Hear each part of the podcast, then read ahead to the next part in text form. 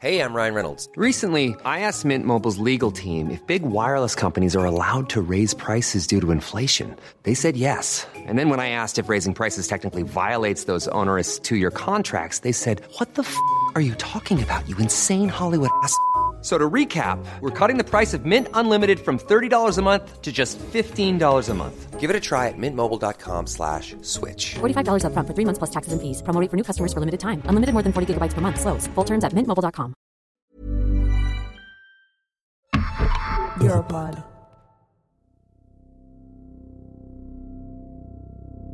Nazywam się Adam Stasiak, a to są Substancje Kontrolowane, podcast o polityce narkotykowej. Talibowie przejmują afgański rynek narkotykowy i sponsorują z tych pieniędzy wojnę. Byli żołnierze ONZ zatrzymani w związku z szmuglem narkotyków. 11 członków Marszu Niepodległości zatrzymanych posiadali narkotyki. Malta i Niemcy będą legalizowały marihuanę. To tylko kilka z nagłówków artykułów z jednego tygodnia przed kręceniem tego odcinka podcastu. Każdego dnia dochodzą nowe, a jednak takie same wiadomości. Ktoś został zatrzymany za posiadanie narkotyków, ktoś stracił życie w wyniku wojny gangów. Podcaście tym będę starał się przybliżyć i opowiedzieć o świecie polityki narkotykowej.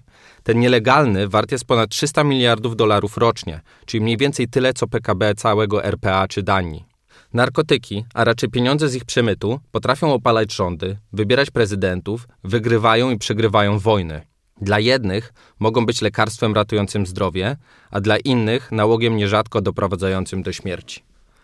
Tematów będzie wiele, a opowiadać będę o nich ja oraz ekspertki i eksperci specjalizujący się w danym obszarze. Porozmawiamy o historii narkotyków i regulujących je prawach, a szczególnie o dyskryminacyjnych aspektach tych drugich. Będzie też o zamawianiu substancji z darkneta, ubraniach i domach z konopi, czy o młodych raperach nawijających o paleniu i o tym, jak nienawidzą policji. A jeżeli chodzi o mnie, to zajmuję się polityką narkotykową, w szczególności prawem z nią związanym w praktyce i naukowo już kilka lat. Obecnie pracuję w kancelarii zajmującej się prawem narkotykowym. Jestem też członkiem Polskiej Sieci Polityki Narkotykowej, która działa na rzecz racjonalnej polityki. No a jaka to jest ta racjonalna polityka narkotykowa? No, na pewno nie taka, która pozbawiając ludzi wolności, tłumaczy, że chce im pomóc.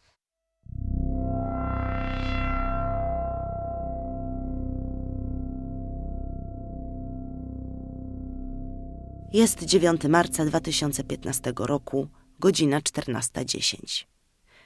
Kilku młodych mężczyzn, w sumie jeszcze nastolatków, bo Rafał i Krystian mają tylko 19 lat, spotyka się w parku imienia Jana Pawła II w Legionowie. Tak jak w wielu mniejszych miastach, gdzie oferta kulturalna nie imponuje, jest to jedno z głównych miejsc spotkań młodych ludzi. To tutaj można w przystępnej cenie napić się piwa, posiedzieć, porozmawiać. Młodzi mężczyźni kupują dla siebie grama marihuany, gdy orientują się, że w ich stronę zbliża się policja. Na widok funkcjonariuszy Krystian przekazuje Rafałowi foliowe zawiniątko, a ten w pośpiechu wkłada je sobie do ust. Choć opalona zapalniczką kulka jest dosyć mała, to blokuje się w dolnej części tchawicy Rafała. Chłopak, tracąc przytomność, przewraca się na ziemię a podejmujący interwencję policjanci zaczynają reanimację. Pomimo akcji ratowniczej i przewiezienia go do szpitala po godzinie 17 młody mężczyzna umiera. Jak wynika z przeprowadzonej sekcji zwłok, przyczyną śmierci było zadławienie. Zadławienie zawiniątkiem o zawartości 0,6 grama marihuany. Zgodnie z ustawą o przeciwdziałaniu narkomanii, Rafałowi za to 0,6 grama groziło nawet do trzech lat więzienia.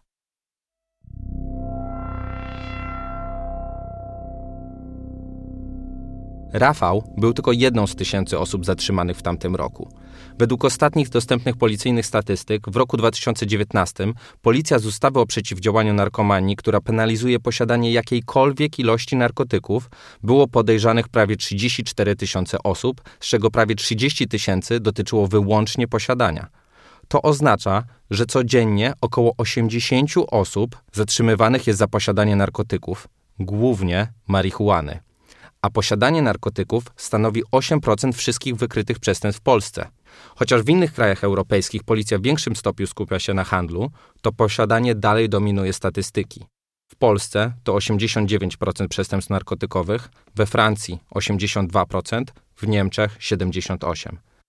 Czy celem tej ustawy i wojny narkotykowej jest w takim razie walka z dealerami i z narkotykami, czy może jednak z samymi użytkownikami? A może te 90% spraw to tylko tak zwane niezamierzone konsekwencje rozwiązań, które przecież też kładą nacisk na profilaktykę i leczenie?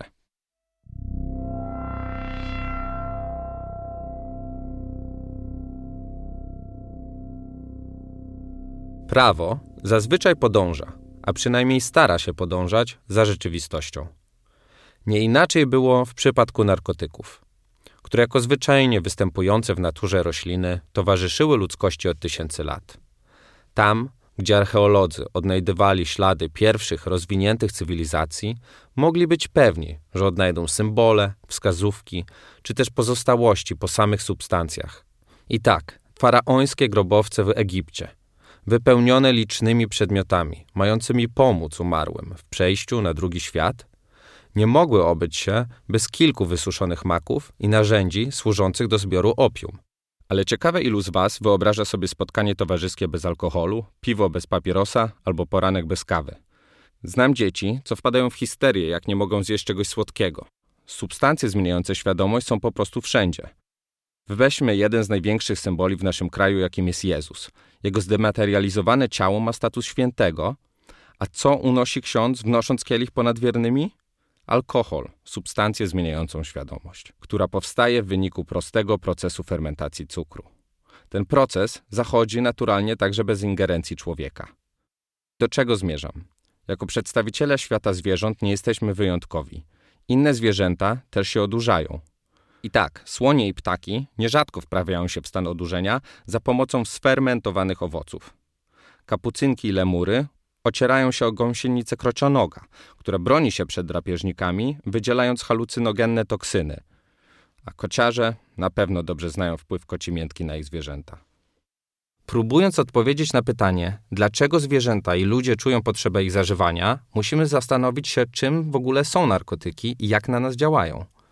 Zapytałem o to Macieja Lorenza, autora kultowej już książki Czy psychodeliki uratują świat oraz tłumacza dopiero co wydanej książki Narkotyki bez paniki, w której profesor David Nutt opisuje w sposób rzetelny i bez uprzedzeń świat narkotyków od strony ich wpływu na człowieka. Może zacznijmy od tego, że w języku polskim e, słowo narkotyk ma nieco inne znaczenie niż w języku angielskim. To znaczy w języku angielskim słowo drug oznacza zarówno środek psychoaktywny, substancję psychoaktywną, jak i lekarstwo. Samo słowo narkotyk pochodzi od greckiego słowa narkotikos, czyli oszałamiający. No i um, tak jak Nat to definiuje, i według mnie to jest całkiem dobra definicja, znaczy on definiuje narkotyki e, jako e, środki, które mm, pochodzą spoza ciała, e, przekraczają barierę krew-mózg e, i oddziałują na e, nasze na receptory w mózgu w sposób podobny do naturalnych neuroprzekaźników, które są zawarte w naszych ciałach. Natomiast e, te najczęściej najczęściej nadużywane narkotyki, najczęściej używane też narkotyki, e, działają na, na te receptory znacznie skuteczniej niż nasze naturalne neuroprzekaźniki. E, tutaj przykładem jest takim, żeby podać ko konkretną jakąś egzemplifikację, no to na przykład mamy w naszym ciele endorfiny, które e, odpowiadają za odczuwanie przyjemności. One się przyłączają do receptorów opioidowych, ale morfina przyłącza się do tych receptorów opioidowych znacznie skuteczniej, znacznie mocniej i, i wywołuje znacznie mocniejszy efekt niż naturalne endorfiny.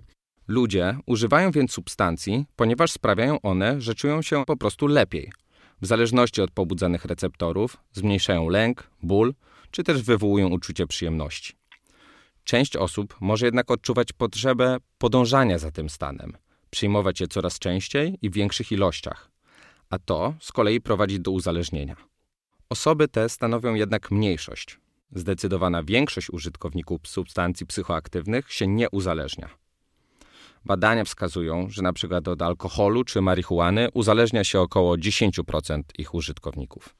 NAC skłania się um, ku traktowaniu uzależnienia od narkotyków jako takiej um, specyficznej um, kategorii uzależnienia behawioralnego. To znaczy zwraca uwagę na to, że e, przyjmowanie określonych substancji, powiedzmy odurzających, działa na niektóre osoby w bardzo podobny sposób jak hazard, jak e, e nie wiem, internet, e, jest też uzależnienie od internetu, jak e, gry wideo na przykład. Każda czynność, która, dost, która ten układ nagrody w mózgu gdzieś tam pobudza. I sam NAC, tak jak powiedziałem, jest, nie traktuje uzależnienia jako problemu moralnego, tylko bardziej rozpatruje w kategoriach takich biologicznych. Uzależnienie jest skomplikowanym procesem, na którego wpływ ma wiele zmiennych. NAD wymienia trzy najważniejsze czynniki. Samą substancję, jej siłę, sposób przyjmowania. No, na przykład heroina jest bardziej uzależniająca od alkoholu. Kolejnym są czynniki społeczne, np. kulturową akceptację do jej zażywania. Ostatnim, ale bardzo istotnym, są uwarunkowania jednostkowe, genetyczne i biograficzne. Dzieci alkoholików mają większą szansę na uzależnienie się, nawet jeżeli nie wychowywały się z rodzicami. Bardziej narażone są też osoby doświadczające dyskryminacji, czy to na tle rasowym, czy tle orientacji seksualnej. Co zaś się tyczy samych substancji, to badanie ich szkodliwości wykracza znacznie poza jej wpływ na samą jednostkę.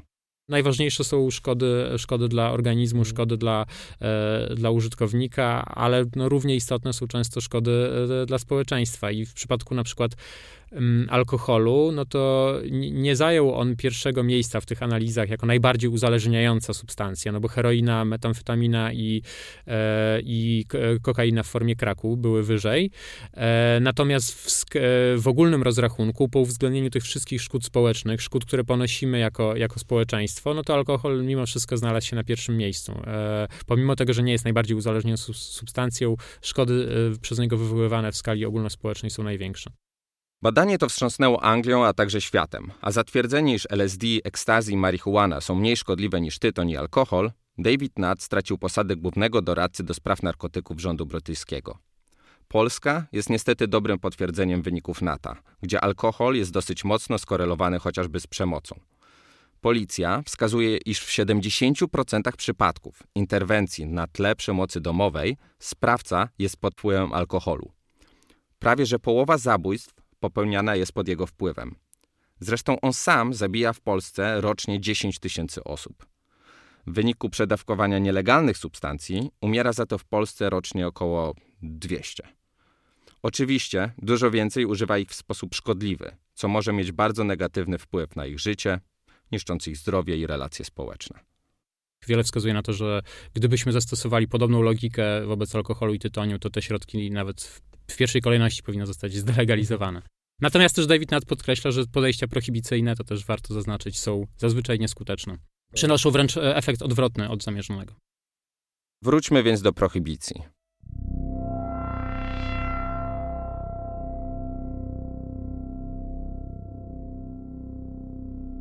Choć historia każdego z narkotyków jest warta uwagi, to z perspektywy polityki narkotykowej najważniejsza jest historia opium. Opium jest substancją otrzymywaną z wysuszonego maku lekarskiego, uprawiana w sposób chałupniczy od tysięcy lat, a najstarsze ślady ich upraw pochodzą z bliskich nam regionów, z rejonu Morza Śródziemnego.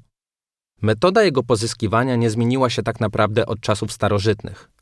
Gdy płatki kwiatów już opadną, a makówki osiągną stan dojrzałości, rolnicy za pomocą niemalże chirurgicznych ruchów nacinają je na głębokość od 1 do 1,5 mm, a sok powoli sączy się na zewnątrz i zbiera na powierzchni makówki. Następnie kleista masa zbierana jest przez rolników i poddawana obróbce, by w końcu uzyskać produkt, jakim jest opium. Jest one bogate w powszechnie znane nam alkaloidy, które odpowiadają za działanie odurzające substancji. Najważniejszym z nich jest morfina, jeden z silniejszych środków przeciwbólowych znanym medycynie. Z kolei pochodną morfiny jest kodeina, która jest obecnie najczęściej używanym opioidem na świecie, powszechnie stosowana szczególnie jako środek na kaszel. Tę szczególną rolę opium zawdzięczna właśnie swoim działaniom zdrowotnym. Wspominały o nich egipskie papirusy, stosowali je medycy na rzymskich dworach cesarskich, a dużo później przedstawiciele już dobrze rozwiniętej XVII-wiecznej medycyny. Przykładem tego był Thomas Sydenham, propagator laudanum, leczniczej mikstury, którą śmiało możemy nazwać nalewką, składającej się według jego przepisu z jednej pinty szery, dwóch uncji opium, jednej szafranu, laski cynamonu i goździka. Ten nazywany angielskim Hipokratesem lekarz, który szczególnie interesował się łagodzeniem bólu cierpiących, tak wypowiadał się o opium. Ze wszystkich środków, jakie upodobało się wszechmogącemu Bogu dać człowiekowi, aby ulżyć jego cierpieniu, żaden nie jest tak uniwersalny i tak skuteczny jak opium. Nie bez powodu wybrałem ten cytat, ponieważ opium często przypisywano niemalże boskie właściwości. Leczono nim wszystko, od egipskich biegunek po cholerę czy gruźlicę. Tak, leczył się nim również Chopin. Jak to określił Ignaz Semmelweis, ojciec antyseptyki i nowoczesnego położnictwa, Bez opium i rtęci nie chciałbym być lekarzem.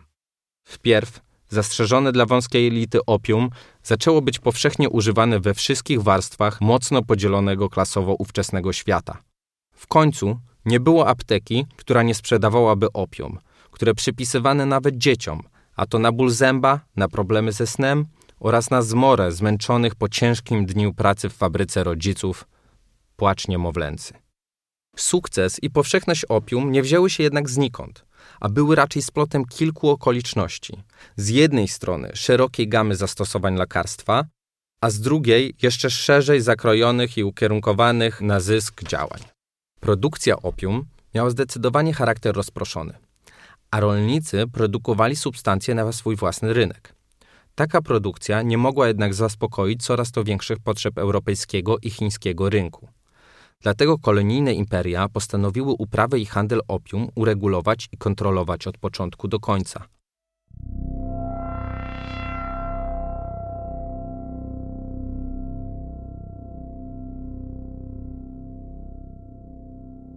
I tak właśnie dochodzimy do pierwszych znaczących praw narkotykowych, gdy w 1773 roku angielska kompania wschodnioindyjska, korporacja sprawująca władzę nad Indiami, wprowadziła państwowy monopol na produkcję opium, zakazując tym samym uprawy i handlu opium niezrzeszonym podmiotom.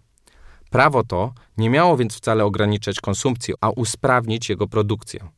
Handel opium szybko okazał się drugą, tuż po podatkach i wyprzedzając za to handel niewolnikami, najbardziej dochodową działalnością kompanii wschodnioindyjskiej. Bengalskich rolników, którzy nie chcieli uprawiać opium, czekały nękania, porwania oraz więzienie. Pod panowaniem kompanii handel i uprawia rozrosły się do niespotykanych rozmiarów. Półtora miliona indyjskich domostw uprawiało mak lekarski, produkując 1500 ton opium rocznie, z czego większość transportowana była z Kalkuty do kantonu za pomocą opiumowych kliperów, smukłych i szybkich żaglowców stworzonych właśnie do transportu opium.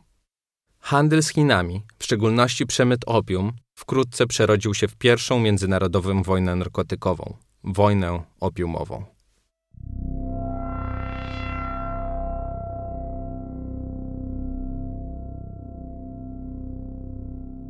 Chiny, XVIII wiek.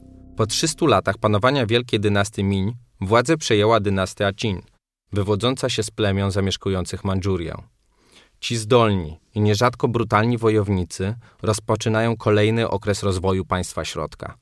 Za ich panowania terytorium zwiększyło się trzykrotnie, co zapewnili sobie podbijając m.in. Tybet i Mongolię. Potroiła się również liczba ludności, która wzrosła do 450 milionów dwa razy więcej niż cała ówczesna Europa. Z tamtego okresu pochodzi na przykład piękny kompleks parkowo-pałacowy, czyli Pałac Letni w Pekinie, który do dziś wielu Chińczykom przypomina o smutnych wydarzeniach z tamtego okresu. Ówczesną politykę chińskich władz charakteryzowała przede wszystkim izolacja. Imperium nie uważało, by zewnętrzny świat miał im dużo do zaoferowania. Chciało się bronić przed wpływami europejskich kolonizatorów, którzy zdobywali te nowe tereny w imię wolnego handlu i chrześcijaństwa. Dlatego też żaden z cudzoziemców nie miał prawa wstępu na teren Chin, a dyplomatyczne próby dostania się na ląd kończyły się fiaskiem. Chińczycy tak wypowiedzieli się o wysoko urodzonym szkockim baronie, który próbował nawiązać relacje w kantonie. Awanturnicza cudzoziemska małpa, barbarzyński pies ma czelność nazywać się urzędnikiem, a nawet dzikus spoza cywilizowanego świata powstrzymałby go od takiej zniewagi. To wszystko odzwierciedlało się również w wymianie handlowej z innymi państwami. Chiny eksportowały ogromne ilości towarów, chociażby bawełny i herbaty. Natomiast importowały niewiele, co skutkowało znacznym ujemnym saldem handlowym pomiędzy państwami. To właśnie w opium, już zakazanym w Chinach, Anglicy widzieli szansę na wyrównanie swojej sytuacji handlowej z Chinami. Notowane do dziś na giełdzie spółki szmuglowały opium do Chin, a za pieniądze z jego sprzedaży kupowały deficytowy towar, na przykład wspomnianą wcześniej herbatę, której prawie całe zapotrzebowanie było opłacane za pieniądze z opium. Władze Chin, starając się walczyć z nałogiem intensywnie penetrującym społeczeństwo, wprowadzały coraz to nowe zakazy mające ograniczyć ten szerzący się proceder. Do kulminacji doszło dnia 3 czerwca 1839 roku, gdy wojsko pod władzą generała Lin skonfiskowało 20 tysięcy skrzyń i następnie zniszczyło narkotyki o oszałamiającej wartości miliarda złotych. Zaangażowani w handel opium wielcy angielscy kupcy widzieli tylko jedną szansę na odzyskanie swoich pieniędzy wojnę z Chinami. Pierwsza wojna opiumowa, trwająca od 1839 do 1842 roku oraz druga, trwająca od 1856 do 1860, zakończyły się totalną porażką Chińczyków. W wyniku wojen i podpisanych traktatów Chińczycy musieli zgodzić się na wiele ustępstw, otwierając swoje terytorium i porty na zagranicznych podróżników i handlarzy. Półwysep Kowloon, którego znaczące terytorium zajmuje Hongkong, trafił w ręce Brytyjczyków, a handel opium został zalegalizowany i kwitł jak nigdy dotąd. Wspomniany wcześniej pałac letni został spalony przez Anglików. Wraz z nim spłonęła największa, zawierająca 11 tysięcy tomów Encyklopedia Świata, której zasoby przebiła dopiero współczesna społecznościowa Wikipedia. Nieraz pojawiające się głosy o potrzebie odbudowy pałacu nie mają posłuchu władzy, która chce, by ruiny przypominały młodym pokoleniom o wieku upokorzenia z rąk europejskich agresorów.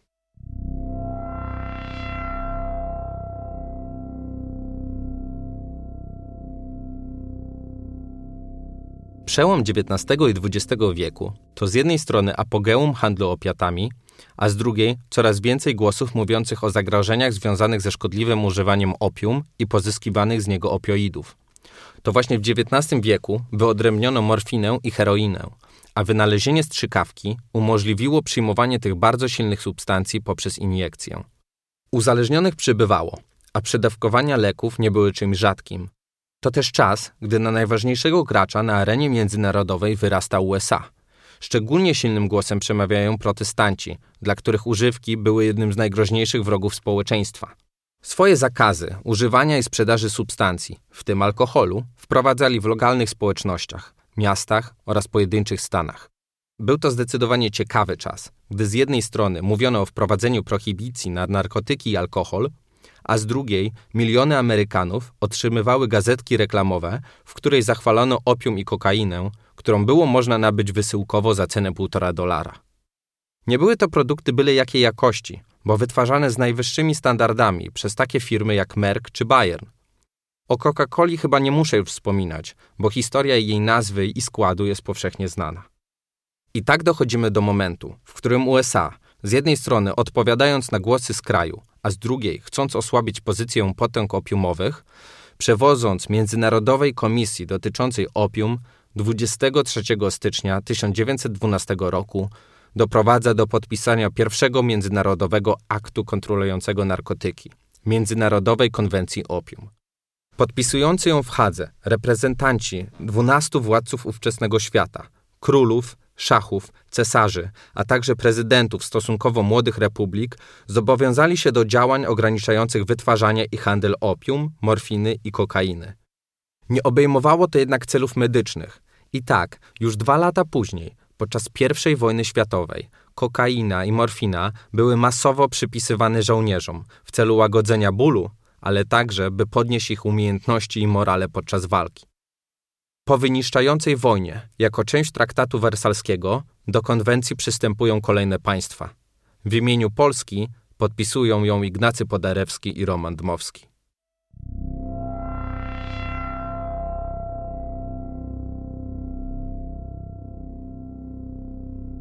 Kolejne lata to czas rozwoju lokalnych i międzynarodowych uregulowań narkotyków obejmujących całą gamę substancji. W następnym odcinku podcastu przyjrzymy się temu, jak zdelegalizowano relatywnie nieszkodliwą marihuanę oraz jak doszło do rozpętania międzynarodowej wojny z narkotykami w USA, pod której presją doprowadzono do uchwalenia nowych i bardziej surowych uregulowań międzynarodowych. Efektem tych działań było podpisanie trzech międzynarodowych konwencji pod egidą ONZ. W 1961 roku podpisano jednolitą konwencję o środkach odurzających. Ona konsolidowała poprzednie umowy dotyczące opioidów, kokainy, marihuany.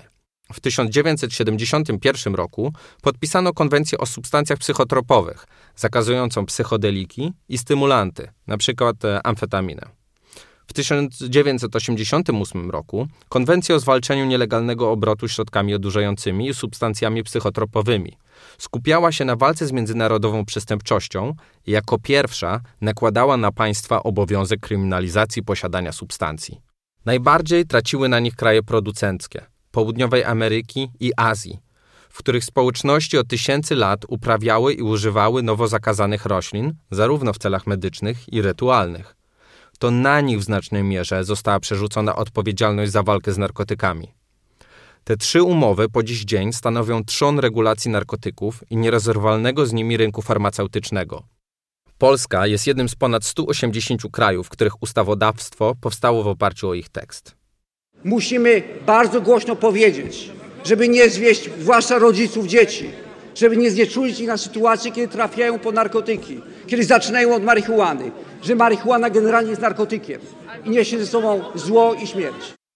W Polsce przez lata narkotyki nie były tematem wartym uwagi ani rządzących, ani większości społeczeństwa. Z opium i kokainą eksperymentowali głównie artyści i członkowie bohemy. Morfina najbardziej była popularna wśród lekarzy. Dobrze znane i uprawiane były konopie, których włókno ceniono sobie tak jak i wszędzie na świecie. O ich powszechności świadczy chociażby znane powiedzenie wyrwać się jak Filip z konopi.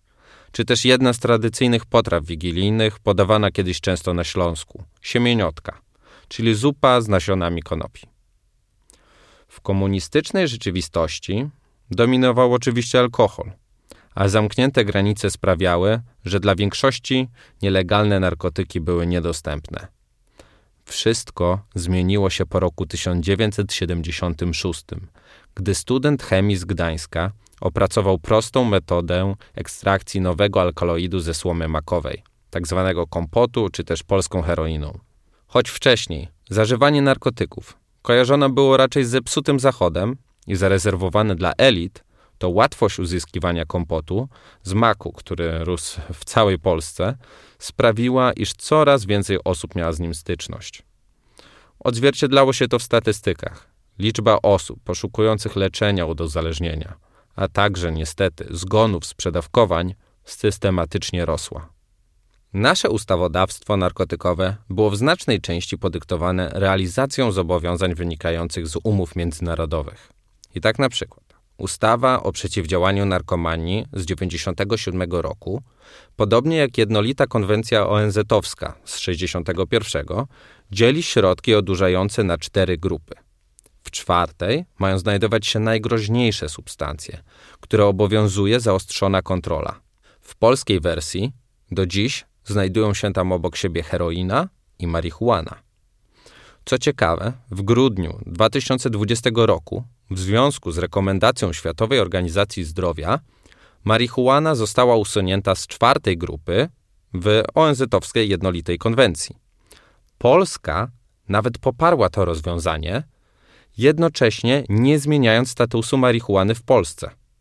Ta sytuacja dobrze obrazuje podejście naszych rządzących do polityki narkotykowej.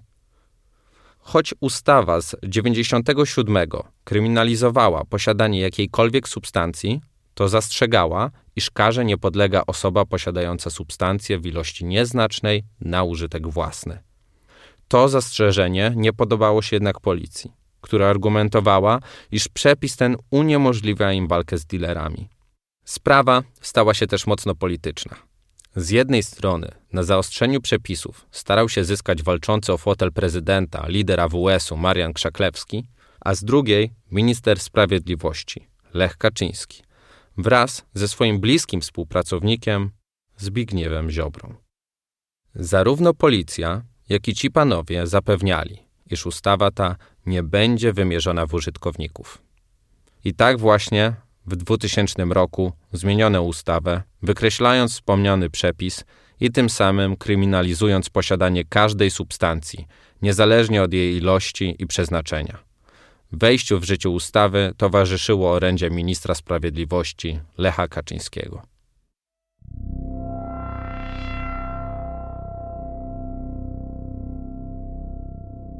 Już pięć lat później, w 2005 roku, przy okazji dopasowywania ustawy o przeciwdziałaniu narkomanii do ustawodawstwa europejskiego, proponowano, by wprowadzić przepis, który umożliwiałby odstąpienie od wymierzenia kary posiadaczom nieznacznych ilości na użytek własny. Dlaczego? Jak wskazywano, poprzednia ustawa nie przyczyniła się w okresie ostatnich czterech lat ani do ograniczenia konsumpcji narkotyków, ani ich dostępności. Ta poprawka była oczywiście przedmiotem burzliwych dyskusji. Jak wskazywał ówczesny poseł PiS Tadeusz Cymański, nadużyciem i nieprawdą jest mówienie o masowym karaniu bladych, zmęczonych chłopców z jedną działką w ręku. Owszem, miały miejsce nadużycia, ale generalnie system prawny bardzo dobrze radzi sobie z tym problemem.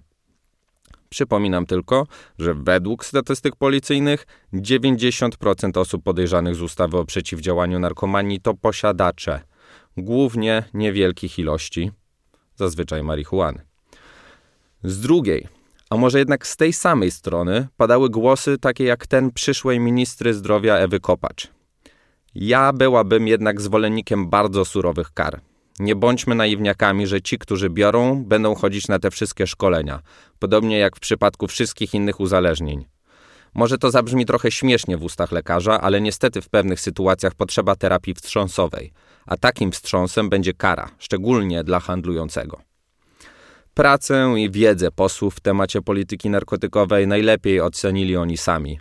Gdy poseł Bolesław Piecha wyraził, że nie ma najlepszego zdania o polskiej prokuraturze i nie uważa, że to oni powinni decydować o ewentualnym zawieszeniu postępowania, poseł Władysław Szkop odpowiedział mu: O naszej pracy nie ma najlepszego zdania 40 milionów obywateli. Poprawka przepadła, a podobne uregulowanie zostało uchwalone dopiero w 2011 roku.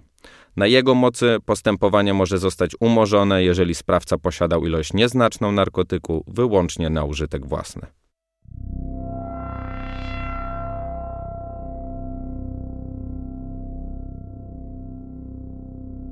I tak zbliżamy się do końca tego odcinka.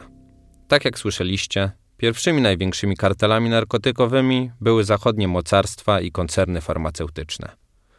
Zresztą radzą sobie one dobrze i dziś. Wraz z rozpowszechnieniem opium, morfiny i heroiny pojawiły się uzasadnione potrzeby ich regulacji. Choć lekarze od początku optowali za medycznym podejściem do osób z uzależnieniem, to politycy, wiedzeni chęcią zdobycia poparcia u wyborców, a także wspierani przez ruchy, dla których moralność religijna nie kłóciła się ze skazywaniem użytkowników na długie lata więzienia, wybrali inną drogę kryminalizację. Jakie są tego skutki? Pomimo coraz to surowszych praw, rynek narkotykowy nigdy nie miał się tak dobrze i nie przynosił tyle szkód ludziom i tyle zysków międzynarodowym kartelom narkotykowym.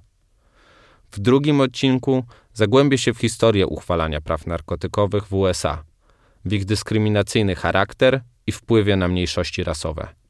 Do usłyszenia wkrótce. Pozdrawiam, Adam.